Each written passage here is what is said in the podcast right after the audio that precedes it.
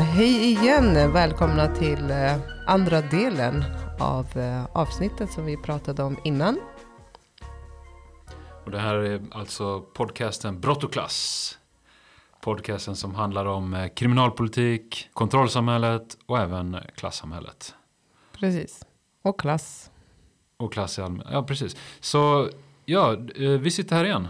Yes, och det är jag, Mikael, som sitter här. Med Lars. Och eh, idag är lite som en eh, fortsättning av eh, förra avsnittet. Och Ja.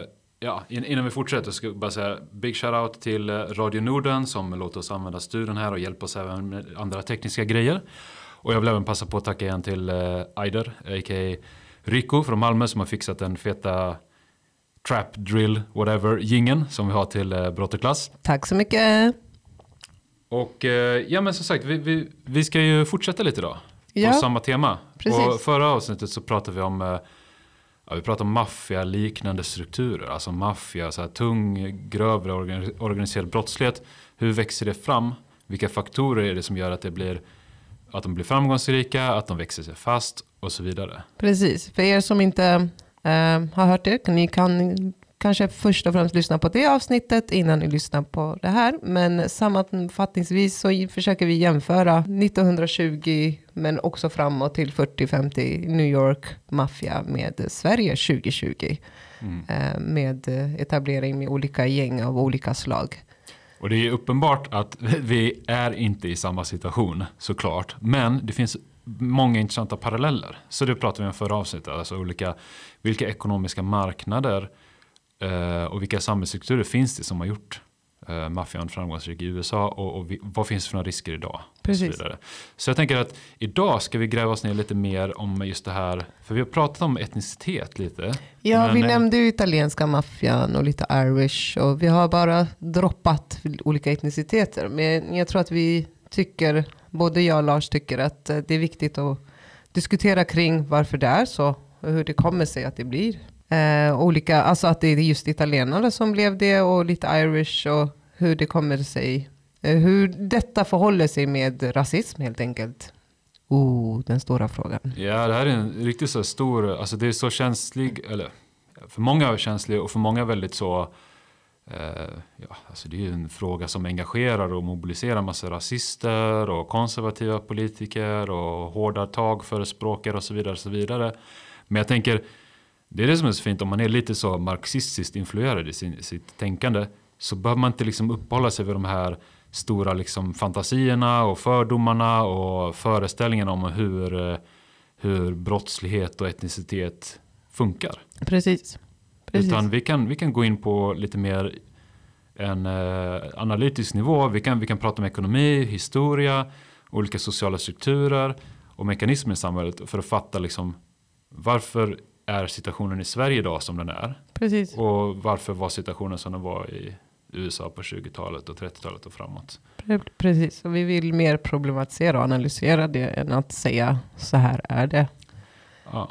För jag menar, det, det är sånt vi diskuterat förut. Om man inte går in och liksom försöker förstå mekanismerna bakom så då har man ingen chans till att förändra det heller. Så, så om, man, om man tänker så här att eh, det är massa kriminalitet i Sverige idag men det beror på att folk är fattiga och, och om, om alla blir rika så, så försvinner kriminaliteten. Eller, alltså det, det är ju en ganska enkel... utan- Eller om andra, alla invandrare försvinner så försvinner kriminaliteten. Det är väl den diskussionen Exakt, som exakt. lyfts eh, Så, så du har och det från vänsterhåll väldigt förenklat och, och från hög, högerhåll ännu mer förenklat. Så det, det, det är väl lite det vi ska röra oss inåt här idag. Ja. Och, och toucha det ämnet, tänker jag. Vi ska försöka göra vårt bästa för att Mm. eh, prata om det på så sätt så att det blir lättförståeligt men också så att ja, människor som lyssnar inte får för sig att eh, jag vet inte riktigt att vi, vi är lite försiktiga men vi vill också ta upp det eftersom att eh, det händer och det finns i verkligheten helt enkelt. Och jag tycker så här, en, en aspekt man kan, man kan ha på det är att eh, vi pratade förut liksom att eh, olika etniska grupper är ju överrepresenterade i krim- kriminalitet i Sverige. Precis. Men jag ser det som så att kriminalitet är ju någonting som drabbar människor. Både så att ja, de som är brottsoffer, det är ju i större utsträckning. Alltså det är ju samma områden, alltså där folk, alltså Precis. Etnicitet är ju överrepresenterat som brottsoffer också. Mm. Men man får också förstå det att som gängkriminalitet idag, det är ju barn som är involverade och utför det här. Och de är ju också offer för det här. Precis. Alltså du drabbas ju av kriminalitet på det sättet också. Precis. Precis. Och, och det, det, då vill man ju liksom komma bort från all sorts romantiserande av det här. Och säga liksom, det är någonting som drabbas av, man drabbas av. Och de som är liksom, man kan säga 20, 25 eller 30, 40 år idag. Mm. De har ju också kanske då rekryterats som barnsoldater. Ofta. Precis. Inte i alla fall. Ja, vissa är ju bara totala psykopater såklart. Men jag menar, det är ju ett mönster man ser också. Men du sa till exempel att, eh, ja, men att invandrare är överrepresenterade. Skulle vi kunna förklara vad typ överrepresenterad betyder för våra lyssnare? Ja just det. Det är alltså, så det, flummigt ord. ja, eh, vad ska man säga? Alltså, det är vanligare helt enkelt. Alltså det är Mm. vanligare med alltså, det, känns hemskt att säga det, men, men det, det är ju så att eh, kriminalitet är vanligare bland invandrare. Mm. Och så jag tänker om man är marxist så förstår man det som så att klassamhället i Sverige idag det är väldigt så här rasifierat. På så sätt Mm. att det, det, det, det är både din klass men det, det är liksom din etnicitet som be, betyder mycket. Det avgör Mm. till stor del, till stor del liksom vad du, vilket område du kommer bo i, vilka jobb som du blir erbjuden och så vidare. Mm. Precis, precis. Det, det, det har sina orsaker. Men jag skulle också förklara överrepresentation eh, med att säga att man kollar ju hur många invandrare man är i befolkningen så att säga. Och av de människorna så kollar man hur många procent eller hur många antalet av människor då blir eh, ja, men, hamnar i kriminalstatistiken. Antingen att de anmäls eh, i, större, i större utsträckning, men också att de, bedöm, alltså att de döms med hårdare straff i större eh, utsträckning. Men jag vill ändå säga att det är ju mest svenskar eller nordbor som är i fängelse. Eh, men om man jämför det med befolknings antalet av invandrare. Men det här är också en grej, vi pratar så här invandrare, invandrare. Och jag har alltid haft svårt för det, eh, inte begreppet, men jag har haft svårt för att diskutera kring det med bara det begreppet. För att man är invandrare i Sverige om man kommer hit från Estland, eh, från Norge, från Finland, ehm, eh, från Italien, men också från Somalia eller från Afghanistan eller Irak. Och när man pratar om invandrare så känns det som att man eh, pratar som att vi är en homogen grupp. Som att det bara finns det jag vill lyfta är helt enkelt intersektionalitet. Alltså att om du är invandrare från England, säger vi, kommer hit och pratar engelska um, och är vit då, då så har du ju större chans att komma in och etablera dig i samhället än vad du har om du kommer ifrån ja, men Mellanöstern eller andra u-länder eller Sydamerika eller vad det nu skulle kunna vara. Och det tycker jag är viktigt att lyfta. Eh, I och med att då kan vi, annars kan vi inte diskutera det så som det verkligen ser ut helt enkelt. Men det är jättebra du, du flikar in med det för att det är, det är någonting man måste titta på. Alltså det, är, Mm. det handlar inte om invandring egentligen. Nej. Utan man kan ju säga på samma sätt som att om du är liksom så här eh, uh, pursvensk uh, eh, individ och du kommer liksom från en, uh, en mindre, mindre svensk stad där det finns stor arbetslöshet, det är väldigt vanligt med missbruk och du har en eh, fr- frånskilda föräldrar och du har liksom svårt med eh, koncentrationssvårigheter och liknande. Då har du ju, vad jag räknar upp där, det är ju en rad faktorer som gör det som påverkar dig liksom att det, det, då, då har du en större chans till att du hamnar i, i kriminalitet men också så andra sociala problem. Liksom så att du Precis. kommer kanske bo dåligt, du kommer få sämre jobb, arbetslöshet och så vidare. Så vad, vi handl, vad det handlar om här är liksom att vad, vad kan vi se i genomsnitt om man säger så, i, på befolkningen och Mm. vilka faktorer är det som forskningen har visat som bidrar till att man hamnar snett. Alltså att man Precis. hamnar i, i kriminalitet. Och, och då kan man kolla där, du nämnde liksom om man är från Estland eller om man är från England och invandrar till Sverige. Då kan man se på liksom, om man kollar på snittet på hela den diasporan eller inva- invandringsgruppen där liksom. Mm.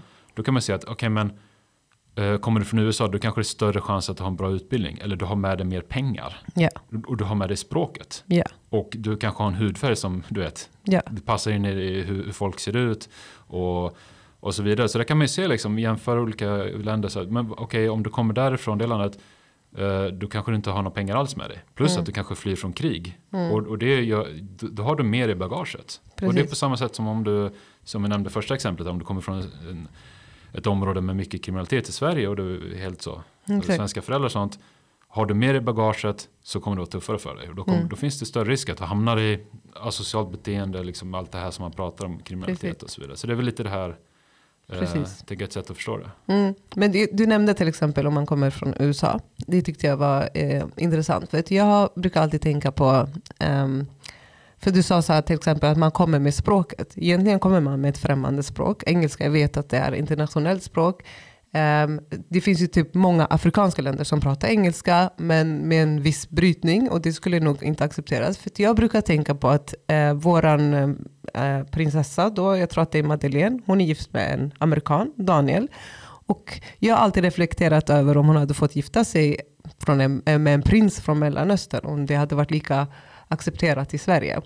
Uh, så som vi accepterade Daniel eh, in i Sverige. Så att jag tror att förutom att, som du sa, orsakerna om man kommer från någon krigsdrabbad land eller om man kommer från en lägre klass eh, och så. Men också typ hur man tas, hur man välkomnas här i landet och hur pass svensk man får vara. För att i förra avsnittet så pratade vi till exempel om eh, eh, ja, med gängen i olika förorter och så. Och de flesta gängen eh, Eh, skulle, eh, idag skulle vi nog diskutera om dem som invandrare. Men ingen har av dem har egentligen vandrat någonstans. De flesta av dem är födda i svenska sjukhus och eh, upp, har gått i svenska skolor. Så någonstans där, vi måste också, jag vet inte, ibland måste vi nog eh, definiera vad, vad är svenskhet och hur lång tid tar det tills du är svensk inför alla, så att säga. Så att det tycker jag också är ja, men viktigt att diskutera. Att man utgår, alltså de här barnen som gör de här brotten, jag anser att det är svenska barn, eftersom att de kan inget annat än det vi har lärt oss här i Sverige. Men sen är de ju självklart påverkade av eh, ja, men kulturella eh, omkring. med, alltså det som är från familjen eller landet eller vad det nu skulle vara, religion eller eh, så. Men jag tror också att det hade varit enklare. För att i USA så till exempel så är du amerikan oavsett. Är du amerikan, du, du är amerikan, punkt slut. Eh, du kanske är black american eller hispanic american eller vad det nu kan vara. Men du är amerikan. I Sverige vet jag inte, när är man svensk liksom? Alltså du är inne på någonting där som jag tror är ganska avgörande faktiskt. Mm. Hur man ska, alltså hur väl ett samhälle ska lyckas. Och framförallt då hur, hur, hur väl eh, olika grupper ska lyckas som kommer till Sverige. Precis. För, alltså, vi, vi, jag får- vi diskuterade lite innan vi, vi, vi spelade in liksom att, att när jag hör termer som så afrosvensk Mm. och ja, det är väl främst det, det just det, den termen jag har hört. Ja, ja, Då blir jag så här, afrosvensk, det låter jag bara, när, när var det senaste gången jag hörde liksom så här irakersvensk Mm. eller afghansvensk? Arabsvensk. Det, det Mm. låter som någonting så här, eh, alltså man, man använder inte det, de orden. Nej. För att det är liksom som en, alltså jag bara, det är ju inget konstigt att vara iraker och svensk samtidigt. Nej, Det är ju snarare nej. en nödvändig grej för Mm. att liksom kunna ha ett, ett fungerande samhälle. Precis. Att man inte ska behöva liksom assimileras på det sättet och liksom avsäga sig sina rötter för att vara en svensk. Liksom. För du har ju, det är ju en positiv aspekt. Mm. Du kan se det i USA och även liksom, jag tror i Sydamerika och, och så här, Brasilien är ett sånt exempel. Att Mm. flyttar du dit så är det så här, ja men du är brasse fast du är eh, japan. Ja. Eller eh, vad som helst, tysk, ryss och så Ja. vidare. Och det är lite samma sak i USA där att du kan ha två identiteter liksom. Mm. Och alltså oavsett, alltså, det är ju sjukt eh, rasistiska samhällen både i USA och Brasilien. Mm. Men det är i alla fall en positiv aspekt som jag tycker vi kunde anamma i Sverige till mycket större del. Precis. Jag menar? Ja, jag förstår. Jag, jag håller med dig. Jag tänker på eh, att till exempel i arabvärlden, där finns det också rasism. Men där, lika där så är det typ, eh, är du svart och en läkare så är du bara alltså, alltså svarta läkaren. Det är inte mer än så. Medan i, kanske i våra länder här i, i Sverige då, eh, och andra länder i Europa där vi ifrågasätter om det är en bra läkare för att han är svart. Så det är väl där det skiljer sig. För att oftast så säger folk också, eh, nu spårar vi lite ut eh, från, alltså, från gängsnack, men um, ofta så säger folk typ så här, nej men jag ser inte färg, eller jag ser inte det här. Och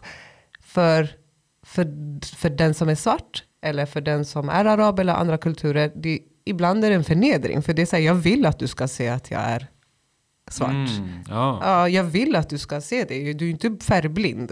Eh, precis. precis. så att, att säga det är också att radera bort ja. de problemen som finns till det. Och sen är det också, alltså, nu, nu, nu kanske jag går ännu längre ut från vad, vi egentligen ska prata om, men jag tycker det känns så jäkla... Man bara... Problemet ligger inte i folks ögon Nej. egentligen, utan du, du vet, ja, jag ser inte färg. Det kommer inte förändra, det kommer inte ge folk bättre bostäder. Det Nej. kommer inte göra slut på diskriminering på arbetsmarknaden och så vidare. Utan Nej. det är så jäkla, det känns väldigt så nedlåtande. Alltså typ som att om jag bara liksom så här som vit person tar på mig andra glasögon så kommer rasismen försvinna. Mm, Ja, det är så jäkla naivt. mm. Ja, Alltså, det det är väldigt så självgott. Så här, "Oj, mitt beteende kommer förändra Precis. allting. Mitt individuella liksom. Det är större samhällsförändringar som måste till för att det ska hända Precis. någonting. Tänker jag. precis. precis. Men vi kanske kan knyta, knyta tillbaka sig lite så här. För att eh, i, eh, i förra avsnittet så nämnde vi en artikel av eh, Federico Varese som han, eh, där han pratar om eh, Ja, vi, vi får lägga upp eh, titlarna på de här i, eh, när vi lägger Instagram-poster och så vidare. Så vi fixar det. Yes. Men eh, det var Fe- Federico Varese, känd kriminolog. Och han eh, pratar här liksom om eh, hur, hur det växer fram i Italien, eh, förlåt, i USA, italienska, amerikanska maffia och så vidare. Och det är intressant att kolla på forskningen kring eh, organiserad brottslighet i USA. För som jag förstått det så fram tills 80-talet Mm. i USA så förstod man lite så här teoretiskt maffia, liksom organiserad brottslighet, det är en, så här, det är en alien invasion. Det är liksom, om man översätter det till svenska, det är en främlingsinvasion. Alltså det är riktigt så här, det låter ju riktigt som Sverigedemokraterna språk liksom. Mm. Men sen börjar man så här, okej men handlar det inte lite mer om ekonomi? Att de här grupperna eh, faktiskt, som vi var inne på förra avsnittet, att Mm. de tillgodoser behov på marknad. Alltså Precis. folk vill ha spel och prostitution och, och, och, och, och så vidare. Alltså det finns de här, och samma sak i Sverige idag, alltså folk vill ha knark och så vidare. De här grupperna tillgodoser ett behov på marknaden. Precis. Och som du var inne på där, alltså det, är inte, det här är inte problem som kommer utifrån. Det är problem som är skapade i det svenska samhället. På precis. samma sätt som det var problem som var skapade i New York på 20-talet. Så vi ser samma sak idag, tänker jag. precis. Och då pratar man mer om supply and demand theory. Mm. Alltså det, det, det tänker jag är en utveckling som vi borde ta till oss i Sverige här. Att vi har en väldigt så här eh, grundförståelse för vad det är som händer i Sverige. ja. Vi, vi, vi tror, alltså den diskursen är så dominerande att, att det nästan tas som ett fakta. Så här, ja, det är invandringen och då Precis. händer den här alla gängkrigen för att det är invandring. Men okej, men är det verkligen de mekanismerna som ligger bakom? Är det att folk flyttar hit som ligger bakom? Eller är det någonting som finns Mm. inbyggt i det samhället vi Alla har vill flytta till Sverige för att bli kriminella. Ja, ja, Från kriget. Bara, vi ska in dit för att bli kriminella. Det är inte den tanken det är, men det är den de, man sänder ut.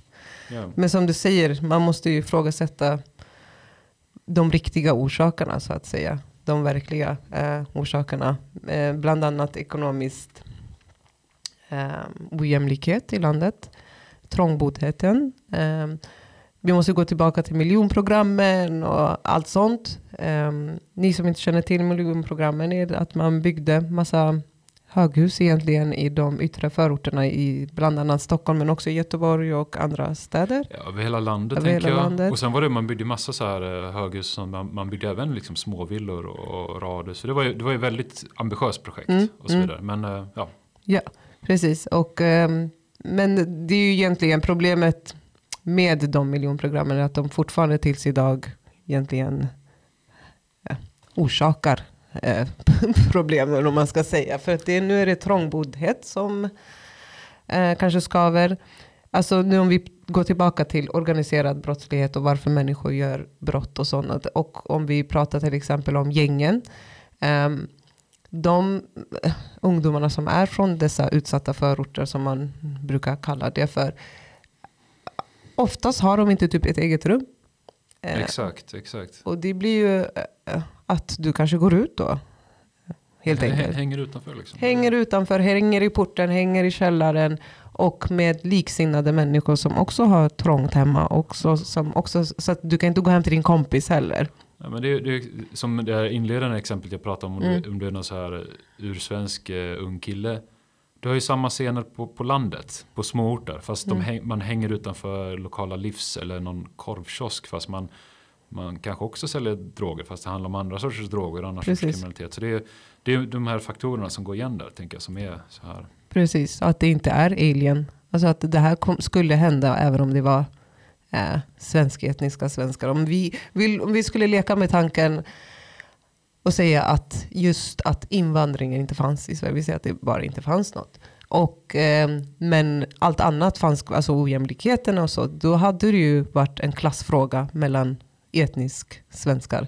Där de mer fattiga personerna hade kanske ja, men, svarat på efterfrågan efter ja, men vad det skulle vara, knark Ja. eller vad det andra. Och du kan ju se det liksom i framväxten av organiserad brottslighet. Det har ju liksom Italien, det har inte varit en invandringsfråga. Nej, Utan det handlar, liksom, det handlar om eh, fattigdom, det handlar frånvaro om staten och, och välfärdsinstitutioner som, som föder de här parallella precis. eh, strukturerna helt enkelt. Det, Precis. det är så, och det, det handlar inte om hudfärg i, bara som en liten mindre diskrimineringsfråga i så fall. Mm. Men jag menar, har du, kommer du med bra förutsättningar från Somalia då till exempel Mm. och du har liksom eh, hög utbildning då kommer du lyckas också. Liksom. Mm. Du, eller kommer lyckas men du förstår jag menar att då har du inte lika många stenar i, i, i ditt bagage som tynger ner dig. Menar du om man är i Sverige då? Ja, om man kommer Mm. till Sverige och, och för jag menar om du kommer med så här alla de här rätta förutsättningarna. Mm. För jag menar eh, det är ju så tänker jag liksom att hamnar du i kriminalitet då, är det, då kanske du inte har allt stöd hemifrån. Du har Nej. kanske inte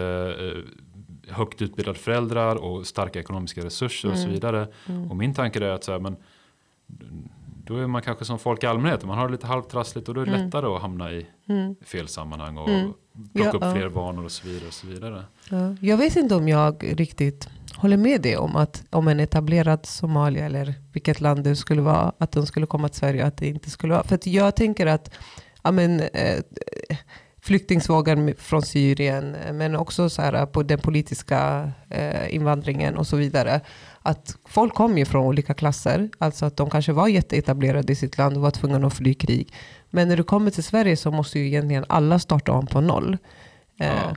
Ja, men det är, Sen kan tanken vara ju där, så här, vi är de etablerade och vi ska så. Men sen om vi möts med verkligheten eh, ute, på, ja, men, ute i samhället. Alltså att du, även om trots din utbildning, trots din erfarenhet, kommer du ändå eh, likt, en bond, alltså likt en annan person från ett annat land som har kommit från en bondesamhälle, kommer du ju få gå i, alltså du kommer börja om på noll helt enkelt. ja, men jag, jag, det är en jävligt viktig poäng där och tycker du, jag håller med dig 100%. Alltså, man ska komma ihåg när vi pratar om de här grejerna, då är det liksom, vilka, om man kollar så, vilka faktorer vi kan, kan, som vi kan kolla på, alltså Mm. vad som blir problem, då är det ju, vi pratar om genomsnitt, alltså Mm. så här samhälleliga mekanismer och i Precis. varje individuellt fall så är det ju äh, olika utfall. Alltså det, vad jag menar är att det, det, man hamnar på olika platser i livet och så vidare. Det, Mm. det, beror på så många olika faktorer. Alltså människan är komplex och samhällen är ännu mer komplexa. Så, Precis. men en faktor som jag tänker du är inne och nosar på det här som jag tycker Mm. är väldigt viktig. Det knyter jag an till vad vi pratade om förut. Att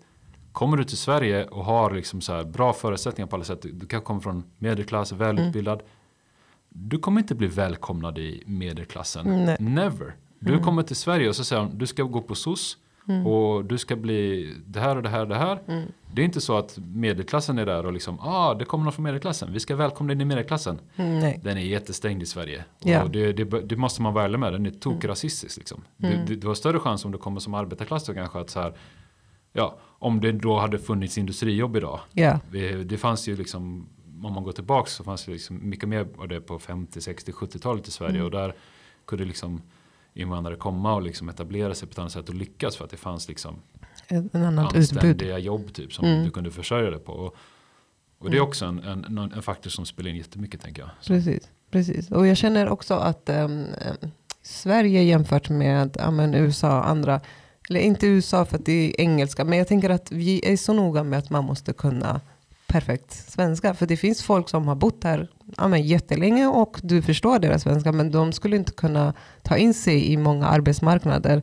arbetstillfällen eller få jobb, för, just för att de har en sorts brytning. Och det är en sån jag vet inte, det- jag tycker språket ibland också kommer in i diskriminerings eh, bollen eller eh, diskussionerna, men vi skulle säga det. För att där känner jag också att ja, men i och med att jag jobbat i Järva mycket och, eh, och ja, att jag själv är då också invandrare så har jag märkt att invandrare i Sverige själv också diskriminerar andra invandrare. Och då oftast så är det språket. Typ så här, kan han inte språket så brukar man säga att han är import. Och det innebär, nu ska ni få lära något nytt, men det innebär att du inte, du inte, du är inte invandrare som oss som kan svenska och som förstår samhället. Eh, så att du är ny i landet. Så att då är du inte med oss heller. Så att den som är ny här, den kommer inte in där heller. Jag jobbar i ett gymnasium där vi har många eh, elever som kanske bara bott i Sverige i tre, fyra år. Och när jag pratar med dem, då brukar de säga så här, det mest rasistiska vi känner är egentligen inte från etniska svenskar, utan från våra egna, alltså, från våra egna kulturer. Men där ser man ju liksom hur, eh, alltså det är ett sånt exempel på hur, jag, jag brukar tänka så, hur kapital, kapitalismen liksom organiserar folk. Mm. Alltså då, då, då, då har man det, okej okay, då ska ni vara där och då ska ni trycka ner de som kommer efteråt. Och liksom. det, Exakt. det är sånt eh, alltså, supercyniskt system liksom. Det är Mm. så hemskt att se liksom. Det är verkligen, eh, ja. Jag Mm. tänker, nu, nu har vi varit inne här på eh, vi pratar liksom om det här alien invasion theory. Vi Just pratar det. om det här hur man kan förstå det istället organiserad brottslighet som kanske så supply and demand. Att det är någonting som växer fram ur en inhemsk eller ur, ur en ekonomi i landet om man säger så. Mm. Det här är liksom grupper som kommer hit och, och vilken ekonomi finns det som är tillgänglig för oss? Det finns den här eh, jättefarliga Mm. kriminella ekonomin som Mm. eh, inte alls är väldigt rolig. Men det är Nej. den som finns. Mm. Och, eh, lite så. Och den är ibland om, man ska, om man ska generalisera väldigt mycket så Mm. är det lite så det funkar tänker jag. Precis. Eh, men jag tänker vi kan introducera ett annat teoretiskt begrepp här. Mm. Eh, En teori som eh, inte är jättestor kanske, men jag, jag stötte på det när jag läste kriminologi. Mm. Och då pratar de om eh, ethnic succession theory. Yes. Kan du Och förklara vad det lite för handlar oss? om där och vad, vad blir det på svenska så här? Etnisk turordning typ? Ja. Och och det, jag tror man börjar lite nämna det här när man kollar på 70-talet. I, nu går vi tillbaka till New York, men nu har vi 50 år framåt, så vi är på 70-talet. Och man såg liksom att fler latinos och afroamerikaner börjar bli mer dominerande i eh, Precis. den underjordiska ekonomin helt enkelt. Alltså Mm. Svarta stor, stor knarkhandel och så vidare. Det var mycket sånt då. Och då var det liksom några som teoretiserade som att ah, men nu är det, det, det är den nya maffian. Du vet.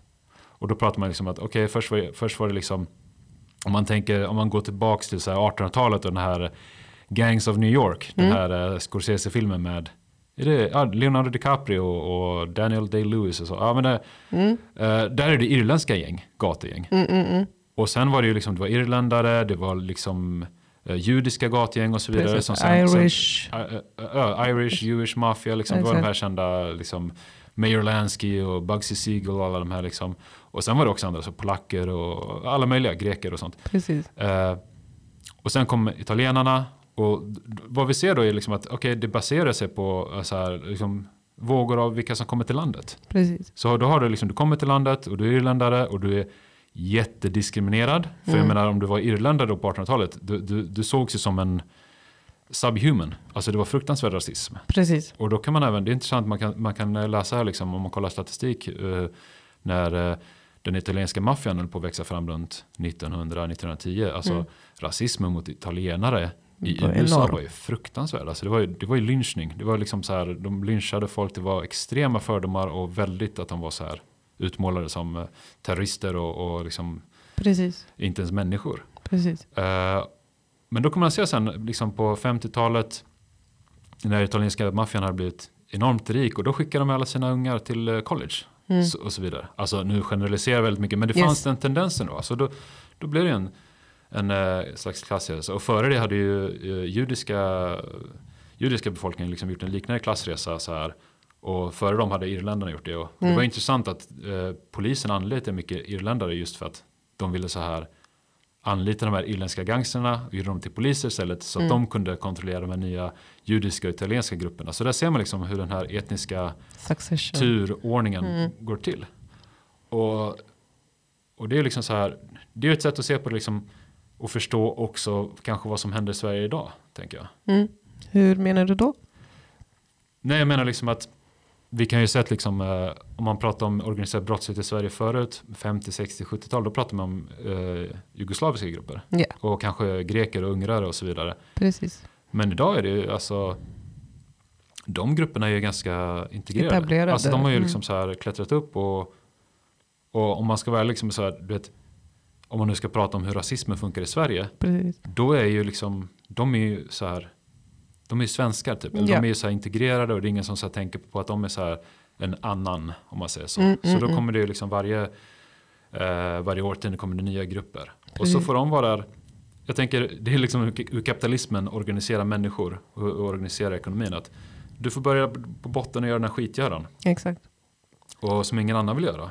Så här, vi vill ha droger, vi vill ha spel och sån skit. Men vi vill inte, vi vill ha vanliga jobb där det är lugnt och skönt. Mm. Så då får ni som kommer här på botten, ni får göra det. Ni får göra det. Så. Och då kommer vi fram tills idag. Eh, då kan man ju se också typ så här att eh, till exempel eh, folk med rötter i eh, Afrika och Mellanöstern är mer överrepresenterade. För, för det vi snackade om i början.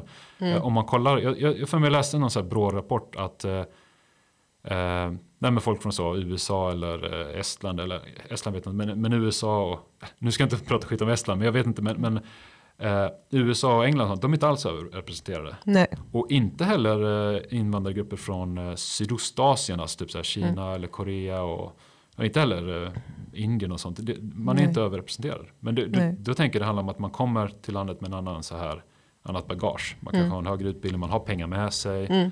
och så vidare. Eh, men eh, vad man ser idag också då är att, vad vi pratade om förut, att det finns ju inte de här, det finns ju inte samma möjligheter i Sverige idag. Nej. Alltså, kommer du till Sverige på 90-talet och framåt, det finns ju, vi har ju ekonomiska kriser som har slått mot eh, arbetarklassen. Det finns inte lika bra jobb för arbetarklassen längre. Nej. Du, Och framförallt inte om du är okvalificerad och inte har en utbildning. precis. precis. Du, men jag tror att också att det var lite lättare att ta, så som, så som du nämner, att det var lättare att ta in sig. Jag vill bara ehm, säga, vi påstår inte att jugoslaver är så pass etablerade så att de inte känner någon rasism idag heller. Det kan hända fortfarande. Ja, absolut. försöker bara förklara övergripande på ja, ja, men ethnic su- succession. Alltså hur först, hur först det var kanske jugoslaver eller Balkan och turkar som var här och nu är de grupperna kanske etablerade och kanske bor i finare områden och kanske har ja, men, eh, bättre jobb. Sen tror jag att det var sydamerikaner som kanske kom. Eh, det här Pinochet och eh, så. Och där är också lite så här chilenare och andra länder, eh, andra hispanic länder idag är mer välkomnade i Sverige än vad mer arabvärlden, Mellanöstern och Afrika, alltså afrikaner gör. Och där Mm. kommer det in ja, men, rasistfrågan egentligen. Så här, hur kommer det sig att, för att eh, jag skulle nog påstå att somalier och, eh, men de har ju varit där rätt, ganska länge nu egentligen, eh, känner jag. Ehm, och mm, det känns som att det har blivit värre.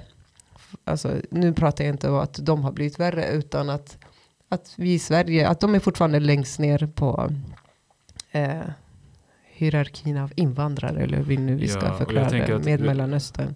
Men det är bra för, som, för- att förtydliga det här också. Mm. Och vi ska vara tydliga med var, var vi kommer från med den här, de här resonemangen. För jag Mm. tänker att somalier och araber har fått så otroligt mycket skit i Sverige. De Yes. svartmålas som, som, eh, som aldrig förr. Men jag menar, det, grunden till allt det här är ju ekonomiskt tänker jag. Mm. För jag menar, då, då liksom när det kom eh, en somalisk diaspora liksom och många från Irak som kom liksom kanske på 00-talet och framåt och sen Mm. Syrien och så Mm. vidare.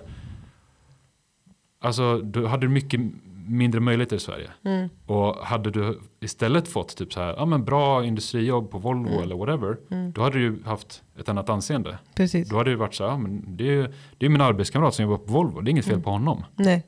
Och då hade man ju fått en helt annan status. Så Mm. jag tänker att den här statusen och den här eh, liksom grad, eh, vad ska man säga, den här hierarkin av Mm. rasism om man säger så. Den kommer ju från så här ekonomiska, eh, historiska eh, situationer liksom, Mm. tänker jag. Och, att, Mm. och du har dels det, men sen självklart ska man inte glömma det här att eh, till exempel för somalier då är det både att det, det är rasism mot hudfärg och Mm. reli- religion, Och religion, också ofta. yes. Det, Det var det jag ville komma till eh, näst. För förutom ekonomin får man inte glömma att just den gruppen, ja men just somalier, de är Mellanöstern också. Um, det är så en tydlig, alltså det är långt ifrån svenskhet, eller så som vi känner till svenskhet. Uh, bland annat religionen då. Alltså att religionen gör så att man inte, eh, då pratar vi om att de flesta somalier är muslimer till exempel. Uh, och man kanske är det synligt. Alltså att man har på sig sjalen eller att man har på sig hela utstyrsel som representerar den. Och då blir det också att du kommer lite längre ifrån, alltså att det blir något främmande. Eh, men också att man inte kan ta del av många svenska kulturer som, um, som involverar alkohol helt enkelt. Ja, exakt. Det tänker jag har varit många som typ suttit på 70-talet och så här, jobbar på Volvo och så kommer det nya arbetskamrater här från Jugoslavien och så super ni. Alltså, alltså det, det, är många, som, som vi är inne på, det är så många faktorer som, uh, som ligger bakom till att situationen ser ut som den gör idag. Precis, och den senaste invandraren skulle jag väl säga afghaner. Eh, vi har fått jättemycket skit, ja. alltså senaste tio, tio åren. Eh, och där känner jag också så att det är långt ifrån, alltså det blir någon distans från, eh, eh, från svenskheten mm. så att säga. För de, de fick ju jättemycket skit på det här metoo-rörelsen minns jag. Alltså att det här i stan, att det var så här, bara afghaner som eh, touchar. Jag kan ju säga att jag aldrig har tänkt på vilket land en kille kommer ifrån när jag går i en skog eller i en alltså, och bedöma, men det är en svensk och jag blir mindre rädd då. Så det är ju inte så det men det är ju så i, svårt, i vårt samhälle om man pratar mindre om det här histori historiska faktorer och ekonomi. Ju mindre man pratar om ekonomin och jobb och mark, alltså allt det här, desto enklare är det att liksom förstå allting genom ett så här rasistiska glasögon. Alltså precis. att man har etnicitet som en, en eh, förklaringsmodell för precis allting. Uh, och det känns ju så jäkla, jag tycker det känns jävla korkat bara. Ja. Förutom all annan skit som hör, hör samman med det. Så men jag tänker, vi, vi, vi läste lite en uh, artikel också kring det här. Mm. Uh, och jag vet inte, det, det är en artikel, uh, vad heter han? I, Ivan, Ivan Light. Mm.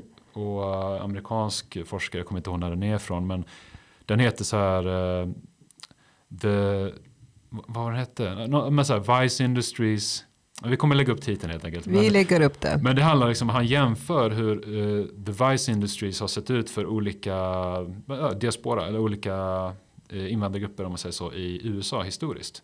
Och han gör en jätteintressant uh, jämförelse där, där han pratar om det är, det är väl ungefär samma tid jag tänker, 20-30-tal någon gång då, runt mm. 100 år sedan. Och då ser han hur historiskt hur så här, spel, spelhålor, alltså sådana eh, sorters tillhåll och bordeller och liknande.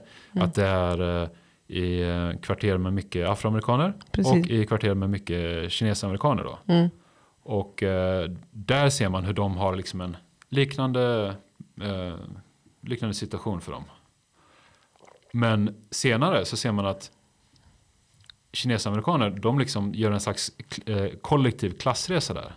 Och eh, börja ägna sig mer åt alltså, restaurangverksamheter och, och, så, och, så, vidare. Och hur de lyckas med det. Och vad de går in där är att de, de börjar bena upp, eller vad han i artikeln gör är att han börjar bena upp så här, men varför lyckas de och varför lyckas inte afroamerikaner? Mm, bra fråga. Och då lyfter han fram eh, några faktorer som är det här att det fanns väldigt mycket sån, den sortens eh, företagsamhet i eh, svarta kvarter i USA. Man, som exempel i New York, i Harlem och liknande. Då fanns det mycket så här Eh, att man startar mycket så här eh, musikklubbar, restauranger och liknande. Men de lyckas inte lika bra som Nej. de kinesiska restaurangerna. Och de förklarar det genom en demografisk fråga. Liksom att det fanns en lag i USA att om du var kinesisk invandrare då fick du inte ta med dig din familj. Alltså du fick komma dit som ensam man. Yes. Du fick inte ta med din, din fru och inte barn. Vilket betyder att då fanns det ingen in, eh, ingen ungdomsbrottslighet. Heller, eftersom det inte fanns några kids där som eh, sprang runt och stökade i de här fattiga kvarteren. Mm. I, I, lika hög grad. Det fanns ju men det var liksom mm. en avgörande faktor. Då, då fanns det inte heller den här gatu, våldet eller mm. de här småbrottsligheten hela tiden. Och det såg man att det fanns däremot i afroamerikanska kvarter. Mm. Och det gjorde att de fick ett dåligt rykte. Yeah. Och då failade alla de här restaurangerna, soulfood restauranger och jazzklubbar och liknande. Vilket var jätteattraktivt ett tag. Mm. Men sen failar de alltså en efter en. Precis. Men däremot så såg man liksom senare i uh, olika asiatiska amerikanska kvarter att när den här lagen förändrades och man tog dit sina familjer och det blev större så här, ja, mer barn, mer ungdomar helt enkelt. Yeah. Då, då, då uppstod också mycket gäng eh, brottslighet i de här kvarteren. Bland kines, ja, bland så här, och det, det, vet man, det finns mycket så i de här asiatiska gatugäng helt enkelt. Men mm. senare då, alltså vi är kanske framme på 60, 70, 80-talet. Något mm. Men jag tänker bara, det är, det är intressant att lyfta de här exemplen för då man kan se så här, vilka faktorer är det som ligger bakom. Precis. Och eh, sen finns det också såklart massa andra faktorer där. Men, jag menar, afroamerikaner har ju ett eh, historiskt trauma av slaveriet. De har inga pengar med sig som andra invandrargrupper. Alltså de, de har inget kapital att börja med. Mm. De har en helt annan eh, diskriminering som möter dem. Och sen också du vet, när de väl liksom så här, efter medborgarrättsrörelsen, när de väl Mm. tillkämpat så här mer jämlika liksom, rättigheter. Mm. Då försvinner ju alla industrijobb. Precis. Alla de här enkla jobben du kan få liksom, så här, som kan ge dig en stadig lön och anständighet och sånt. De finns inte för att eh, oljekrisen och Mm. avindustrialiseringen och allt det här liksom. Precis. Så då, då är de körda liksom. På samma sätt som vi ser i Sverige, att det, det finns inte i Sverige nu för tiden heller. Så, Mm. så Så de längst ner blir drabbade. Ja, och man kan se idag liksom hur är då. Nej men du vet att, att man kan se då eh, afroamerikaner är överrepresenterade i brottslighet men de är också överrepresenterade i kanske då vad ska man säga, underhållningsbranschen, musikbranschen och liknande. Och då, Ja. då, då kan man då blir det så här, åh de, de är så musikaliska. Mm. Bara, Ja, eller så kanske det är för att det är det de fått göra för att överleva historiskt. Om Precis. man säger så. Så det, det, är väl, det är väl lite det vi vill göra här tänker jag. Liksom försöka gå Mm. in på de här historiska bakgrunderna och att världen blir lite mindre så mystisk så här. Mm. Åh, de är så musikaliska. Nej, det Precis. handlar om att de, var, de hade lagar mot sig som förbjöd dem från att ta de här vanliga jobben och sen eh, fabriksjobben och sen försvann fabriksjobben. Exakt. Så Exakt. låt oss kolla lite Mm. mer på ekonomin Mm. och lite mindre på lå- låt oss bli lite mindre offer för de här eh, fördomarna som Ja. eh, liksom frodas i det här eh, klassamhället som vi Mm. lever i. Men det var så intressant att du lyfte det här till exempel att eh, afroamerikaner anses vara bra underhållare eller musikaler. För det förutom att det, alltså, det blir ju också en rasistisk eh, utgång. För att då antar man att jag föds du svart som afrosvart så ska du bara bli basketspelare, rappare eller någon annan underhållningssak utan att tänka på så som du säger ekonomin. Vart finns pengarna? Det är det alla vill veta egentligen. Where's Jag the money? det är den stora utmaningen här om du säger att du är framgång. Nu kommer vi in i vårt eh, extra så här, specialintresse hiphop tänker jag. Yes. Men den stora utmaningen tänker om du är så här hiphop-mogul. Mm. Det är ju liksom det här eh, Okej, du tjä- först tjänar pengar på att sälja crack, sen Exakt. sä- tjänar pengar på att rappa, sen startar du ett eget skivbolag. Men vad fan, det är bara småpotatis. Exakt, jämfört med dem. Exakt, Mm. ja, det, du, du blir ingen Bill Gates på det. Nej. Alltså så, men det- det är intressant, eh, en av mina favoritrappare, E40 från eh, norra Kalifornien, han har ju slått sig in i det här eh, mat och dryck. Och det känns ju som så här, ja men bra, alltså vi håller på dig liksom. Men på något Mm. sätt ändå liksom att fatta att det finns en större ekonomi där och sen är det så här, han, han blir, det är ju svårt att slå sig fram där men jag tycker det är ett Mm. intressant exempel på hur han gör en klassresa där på ett sätt. Mm, mm, Eh, Eller så här, Mm. fortsätta och mm, ta sig fram i ekonomin där. mm, precis, precis. Och jag tänker också på att ehm, nyare hiphopare, eller vad man ska säga, de har börjat, det känns lite mer som att de har börjat fatta. Det är ju vissa som kanske bara släpper ett, två, tre album och sen tar de de pengarna och investerar det i något annat som är mycket större. Eh, och förut så var det ju mer att de kanske var klädbranschen. Jag vet inte om du minns P Diddy med hans eh, Sean John eh, klädmärke och att de försökte Oh ja, etablera ja. sig. du hade ett par?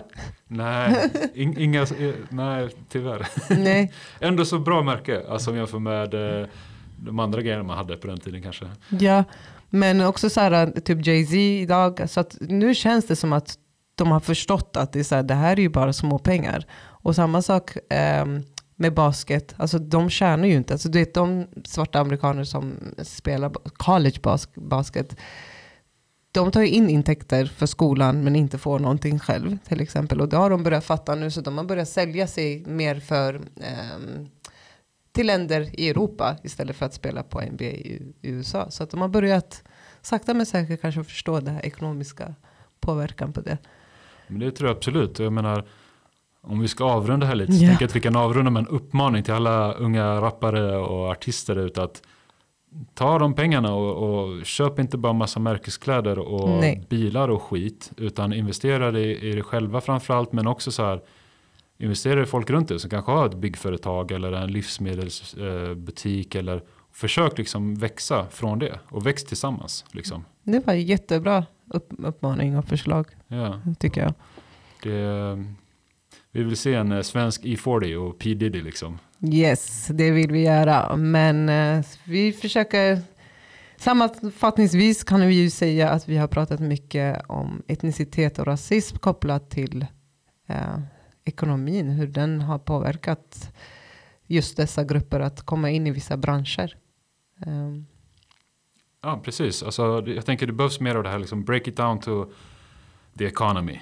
Alltså, mm. Det är det som bestämmer hur folk lever ändå. Liksom. Det, är, det är inte hudfärg och eh, kultur, vad fan Nej. det nu är. Liksom. Utan så här, ge folk jobb, ge, ge folk anständiga liv så kommer det mesta lösa sig. Men uh, det kanske är en lång väg dit om man säger så. Men uh, det, det, det är dit vi måste sikta liksom. Yes. Cash rules everything around me. Boom. Och jag avslutar med ett mycket bra citat där. Yes. Och jag tänker, ja, men, tack så mycket för det här samtalet. Och vi... Uh, vi får tacka för oss helt enkelt. Yes, tack, tack, tack. Och så får vi ses i kanske nästa avsnitt förhoppningsvis. Ja, och, och, tack till dig och tack till resten av Stockholm och alla här som har eh, välkomnat mig så fint och erbjudit bostads... Eller vet du, bostad? Vad heter det? vad heter det? Eh, sovplats heter det såklart. Ja, du är alltid välkommen. Ja. Ha det bra tills nästa gång. Hej. Ciao, ciao.